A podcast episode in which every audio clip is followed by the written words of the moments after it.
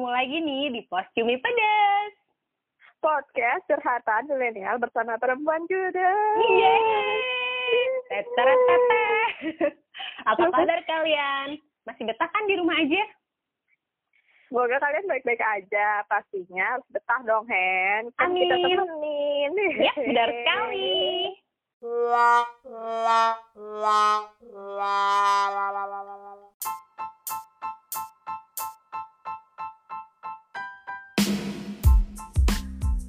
Oh iya, kita mau ngucapin selamat Hari Kartini untuk semua perempuan-perempuan hebat di Indonesia. Nah, karena hari ini hari Kartini, jadi episode kali ini kita mau bahas tentang perjuangan Ibu Kartini versi kita nih para milenial. Iya, Quotes apa sih, Hen? Yang paling kamu ingat? habis gelap terbitlah terang. Hmm, maksudnya bukan karena lampu nyala, setelah mati lampu ya guys, atau lagunya mati lampu, mati lampu, ops. Bukan itu loh, maknanya lebih dalam dari lagu itu. Iya, benar banget. Maknanya itu perjuangan Ibu Kartini untuk mencari jawaban dari anomali yang terjadi pada zaman beliau. Yap, Kenapa peran perempuan hanya sebatas pelengkap kehidupan laki-laki? Wow, seru banget ya kak kayaknya pembahasan kita kali ini. Aku juga mau nyeritain sejarah singkatnya dari sumber yang aku dapat dari www.nu.or.id di mana judul artikelnya adalah Kartini Nyantri Inspirasi Perjuangan. Ya, dalam artikel ini tuh dituliskan bahwa selama ini Ibu R.A. Kartini dikenal sebagai seorang bangsawan Jawa sekaligus priai. Hmm, artikel ini tuh tujuannya bukan untuk membahas silsilah R.A. Kartini, tetapi untuk membahas proses munculnya pemikiran revolusioner beliau di tengah tradisi paternalistik di keluarganya. Nah, tradisi inilah yang memicu beliau mencoba mencari jawaban dari anomali yang terjadi itu. Nah, masuk ke topik inti bahwa selain bangsawan Jawa, Kartini juga seorang santri loh guys. Beliau nyantri dan belajar agama kepada Kiai Soleh atau yang dikenal dengan Mbah Soleh Darat. Kegelisahannya muncul ketika masyarakat pada masa itu hanya bisa membaca Al-Quran tetapi tidak diperbolehkan memahami artinya. Hmm, sayang sekali ya. Dadan Ajeng Kartini juga menulis surat kepada Salazin Handler yang berisi Islam melarang umatnya mendiskusikan ajaran agamanya dengan umat lain. Menurut Rade- Raden Ajeng Kartini, adalah gila orang diajar membaca tapi tidak diajar makna yang dibaca. Itu sama halnya dengan menghafal bahasa Inggris tet- tetapi tidak memberi artinya. Nah, kegelisahan Ibu Kartini pun terus berlanjut sampai akhirnya bertemu dengan Kiai Soleh Darat untuk belajar ngaji dan menanyakan berbagai hal yang menjadi kegelisahannya selama ini. Eh, dan ternyata fakta sejarah yang ada, hmm, ternyata kebijakan ini tuh datang dari para penjajah dengan asumsi jika masyarakat memahami Al-Quran, maka jiwa merdeka mereka pun akan tumbuh. Tentunya hal ini akan pastinya mengancam eksistensi kolonial itu sendiri kan. Makanya di zaman tersebut pun masih ba- eh masih banyak ulama yang yang Menerjemahkan Al-Quran bukan tidak Ah. mau dan tidak mampu tetapi harus berhati-hati dengan kebijakan Belanda pada saat itu ya kak. iya serem banget kan ya Hen. Yep. Nah, setelah pengajian, Kartini juga mendesak pamannya loh untuk menemani menemui Kiai Soleh Darat. Nah, pada saat itu, Raden Ajeng Kartini juga menanyakan mengenai hukum apabila seorang berilmu tetapi menyembunyikan ilmunya. Nah, Kiai Soleh, Kiai Soleh tertegun dan menanyakan alasan Raden Ajeng Kartini bertanya demikian. Lalu ibu kita Kartini juga menjawab, Selama hidupku baru kali ini aku berkesempatan memahami mana surah Al-Fatihah, padahal surat tersebut merupakan surat pertama dan induk Al-Quran. Isinya begitu indah, menggetarkan sanubariku. Nah, dari cerita di atas, akhirnya Kartini menemukan, eh Kartini, maksudnya Ibu Kartini menemukan cahaya yang menerangi berbagai kegelapan pengetahuan dan ilmu yang selama ini melingkupinya dengan ngaji kepada Soleh Mbah kepada Soleh. Soleh Darat. Yep. Inspirasi inilah yang membuat Kartini memberi judul bukunya Habis Gelap Terbitlah Terang. Terang. Yep. Wow, keren banget sih Bu Kita Kartini ya guys. Nah, pasti hal yang dialami beliau salah satunya juga pernah kita alami sebagai seorang milenial. Nah, kalau aku ya dulu waktu kecil juga suka nulis uh, kayak diary gitu loh guys, tapi nyeritain tentang apa yang aku alami setiap harinya, walaupun mungkin gak penting-penting banget. Kalau Khalid gimana? Kalau aku gimana ya untuk memenuhi rasa ingin tahuku ya emang sih paling nanya terus kayak baca-baca artikel. Dulu tuh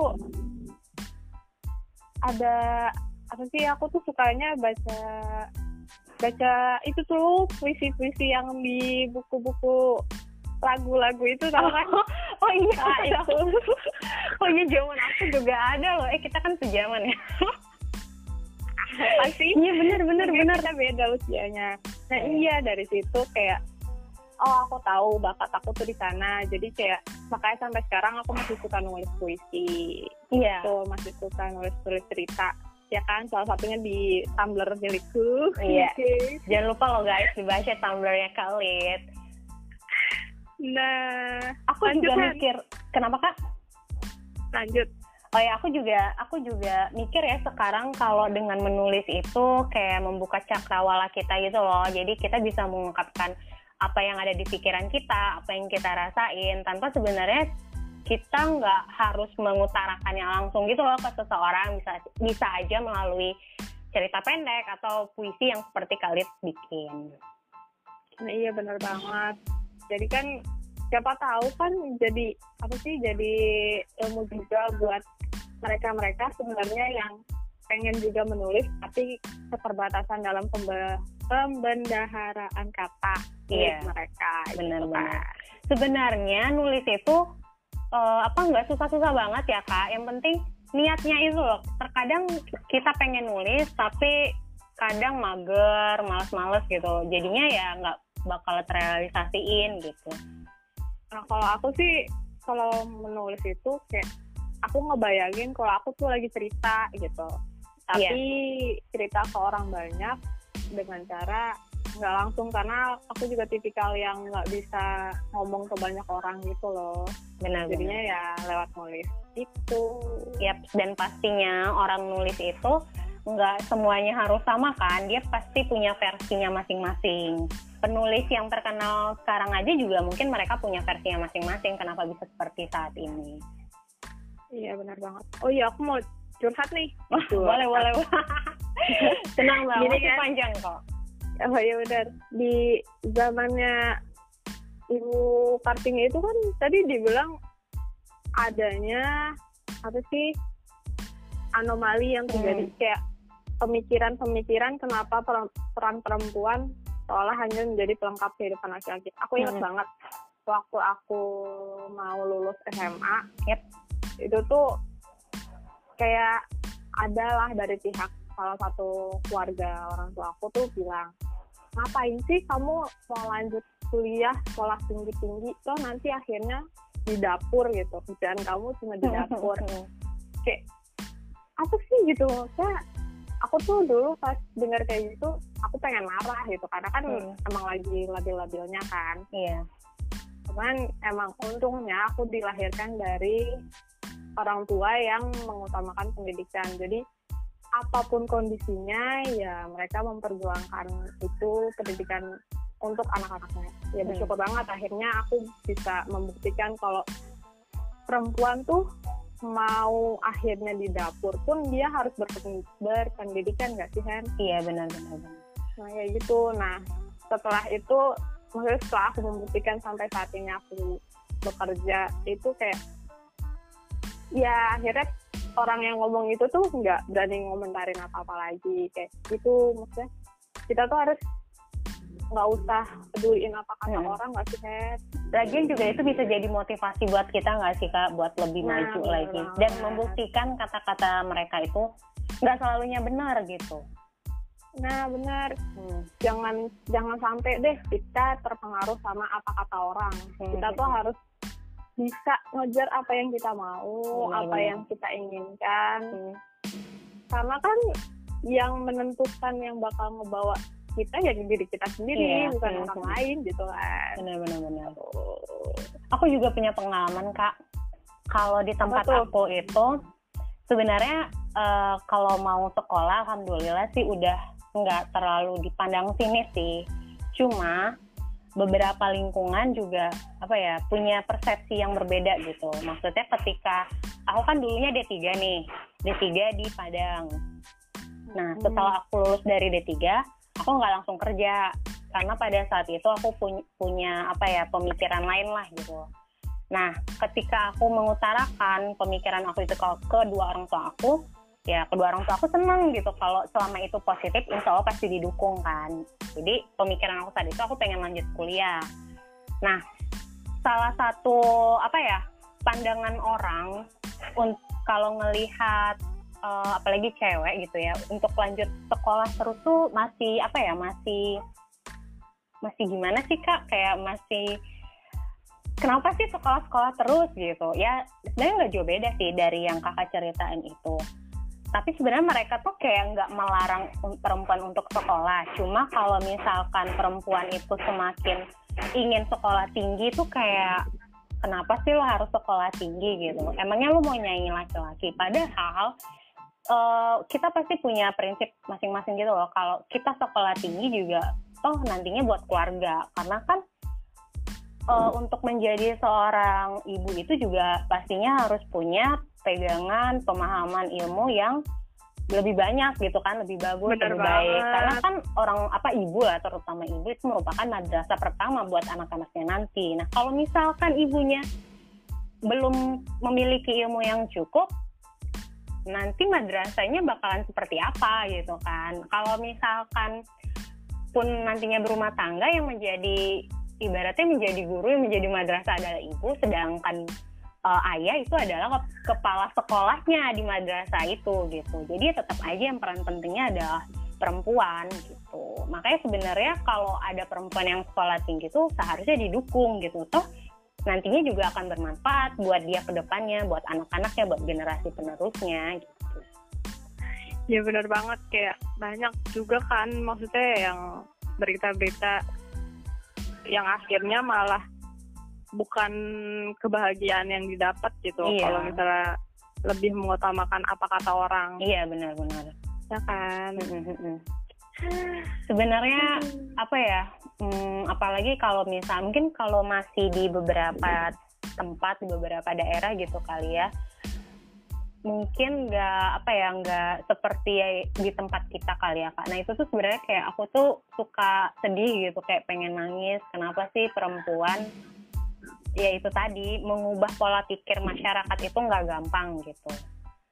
Cuma ya bener banget. gimana ya cuma kadang suka miris gitu kenapa perempuan masih masih dianggap apa ya dianggap nggak boleh diberikan kebebasan untuk berpendapat nggak bisa diberi- diberikan kebebasan untuk mengenyam pendidikan gitu. Padahal kan sebenarnya sekarang tuh udah apa ya era milenial era apa ya udah zaman high tech banget segalanya gitu. mudah Oh, oh. didapat Iya, sebenarnya ya kan tapi di beberapa tempat masih ada yang seperti itu gitu. Jadi kayak masih sedih sih, sedih banget karena masih banyak teman-teman kita yang perempuan juga nggak punya apa ya privilege sama seperti yang kita rasain saat ini. iya masih masih kurang rata lah ya Iya makanya. aduh sedih banget kalau bahas kayak gini tuh Iya. maka beruntunglah kalian-kalian para milenial di di daerah perkotaan yang Hmm, segalanya mudah diraih gitu hmm. jangan jangan sampai kalian merusak masa depan kalian cuma karena mulut Iya, benar-benar. orang-orang jahil Hmm, yang nggak yang nggak sama sekali ngasih bantuan ke kalian gitu Iya benar. Dan ibaratnya kalau memang kita punya cita-cita atau impian itu ya nggak masalah kita pasang setinggi mungkin. Toh kalau misalkan jatuh juga jatuhnya di antara bintang-bintang. Cie. Judul Ya, lagu. itu, tuh, hanya motivasi buat aku aja sebenarnya. Tapi benar sih kak, kalau emang kita punya impian dan cita-cita tuh emang harus tinggi sih katanya. Jadi kayak nggak usah mikirin ntar gimana, ntar apa kata orang, ntar ntar pokoknya tuh kayak ya udah ntar mah ntar aja lah dipikirin. Yang penting niat aja saat ini gitu. Niatin usaha ya sisanya tawakal sama Tuhan Nah iya prinsip aku sih ya. Iya. Selama jadi manusia, selama kita hidup, ya kita harus punya mimpi gitu. Iya, bener banget guys. Luar lama bener. Tapi emang bener sih kak, maksudnya emang aku ngerasain banget sih gimana maksudnya walaupun aku nggak hidup di masa penjajahan di masa ibu Raden Ajeng Kartini hidup tapi kayak impactnya tuh sekarang kerasa banget sih maksudnya Ya. gimana perjuangan beliau gitu loh kayak memperjuangkan nasib para perempuan supaya bisa apa supaya bisa mengenyam pendidikan sampai saat ini coba kalau misalkan dulu nggak diperjuangin ya kita nggak tahu saat ini kita seperti apa dan jadi Iya, kayak apa kita kayak lebih pasrah gitu kali ya. Iya makanya. Jadi itu sebenarnya salah satu dari dari tugas kita sebagai generasi penerus bangsa. Atau generasi milenial tuh salah satu dari membalas jasa-jasa perjuangan pahlawan terutama ibu kita Kartini yaitu tadi bermanfaat buat banyak orang, terutama sebagai perempuan ber, berdampak positif lah buat lingkungan sekitarnya aja dulu. Iya, jangan cuma ya kita boleh menuntut hak-hak kita, Mm-mm. tapi ya tetap jangan lupa sama kewajiban juga kali ya Hen. Iya. Ya posisi kita sebagai anak, Iya. sebagai orang tua nanti gitu kan. Kalau emang mau tetap sekolah sambil setelah berkeluarga kan juga bisa kan. Iya. Pokoknya tuh nggak ada lah kak namanya wak, apa ya batas waktu untuk menuntut ilmu. Toh dalam Al-Quran ya, da- ya mungkin kalau misal aku salah tolong diingetin. Katanya kan juga eh, tuntutlah ilmu sampai ke liang lahat. Nah berarti sampai kita mau dikuburin pun kita tetap masih ada kewajiban buat menuntut ilmu. Wah bener banget. Itu Mm. quotes-quotes dulu banget tuh Iya, zaman sekolah. Oh, tapi itu bener banget gitu loh kak. Jadi kan sebenarnya di agama kita pun juga diajarin kalau menuntut ilmu Iya. mesti ada batasnya. Iya bahkan para nabi dan rasul pun dituntut untuk belajar kan. Iya. Toh ilmu yang Iqra, kita gitu. dapetin, iya benar ikro, ikro. Yang pertama kali aja tuh disuruh ikro bacalah kan. Toh juga ilmu yang kita dapat tuh bukan selalu atau semata-mata hanya di sekolah, di apa di bangku perkuliahan nggak gitu, nggak maksudnya nggak selalu di situ gitu. Di mana aja tuh bisa di kehidupan kita sehari-hari pun kadang ada ilmu yang bisa kita dapetin gitu dari orang lain, dari mana pun. Nah, bener banget. Kak. Eh, kalau kita ngejar ilmu bukan berarti kita cuma ngejar dunia kan ya, Hen? Iya benar. Kita dari Benar, ilmu benar. juga Hmm. bisa menyadarkan kita akan ada kehidupan Iya. setelah di dunia. That's the point, ya benar. Sebenarnya ilmunya juga bukan, maksudnya bukan sekedar untuk duniawi aja, tapi juga untuk akhirat bakal kita nanti ya kak. Maaf ya kalau sambil ada backsound backsound. Iya tidak apa-apa. Semoga Hmm. tetap Hmm. bisa dapat manfaatnya lah Yep. ya dari obrolan kita hari Hmm. ini. Dan kalau misalkan kita ngomongnya kepanjangan atau ngeboringin ya, em, apa dengerin aja. Mana tau nanti kita bisa saling tukar apa sharing lah ya, sharing buat masukan atau gimana gimananya. Bisa banget. Mm-mm. Gimana Hen caranya Hen? Kalau Nah. mau Yap. teman-teman mau ngasih ide. Yap. Nah, jadi tadi kan kita udah cerita panjang lebar nih kak, Panja- panjang kali lebar kali tinggi. Nah, di antara cerita kita yang sudah kita ceritain tadi guys, mana nih yang pernah kalian alami juga? Nah, se- semoga juga bisa jadi insight baru ya buat kita memperjuangkan hak-hak kita ke depannya sebagai seorang perempuan. Eh, kewajiban juga tidak boleh lupa loh guys. Oh iya, wah lama juga nih ya. Ini kayaknya adalah episode yang terlama. Eh, Enggak sih, kita baru satu episode ya. eh enggak deh, ternyata kita teleponan yang kelamaan. ya ketahuan deh. Keren kan kita jarak jauh tetap bisa bikin konten. Nah, Iya. Semoga jadi inspirasi juga buat kalian. Yap. Daripada gabut kan selama WFH, Hmm. terus cuman ngerunning drakor gitu. Kayak Iya. Ya itu sih positif juga Mm-mm. dibanding kita keluar rumah saat ini kan. Mm-mm, benar benar. Jadi sebenarnya itu masih banyak yang bisa kita lakuin dari rumah ya kak. Apa pun itu yang mungkin biasa kita lakukan di luar bisa kita lakukan diminimalisir di eh, di rumah. Gitu. Iya betul banget. Hmm. Apalagi sekarang teknologi udah mendukung banget. Ya, benar sekali. Oh ya guys, boleh dong kasih ide untuk kita bahas di episode berikutnya apa? Caranya bisa langsung kontak aku atau Kak Lid ke emailnya cumipedas di cumipedas12 at gmail.com. Ditunggu ya guys. Oh, ya semoga bermanfaat ya obrolan kita. Amin, amin ya Allah. Sekian cerita kita di episode kali ini. Sekali lagi, selamat Hari Kartini untuk perempuan hebat di Indonesia. Sampai bertemu di episode berikutnya. Dadah. See you. See you.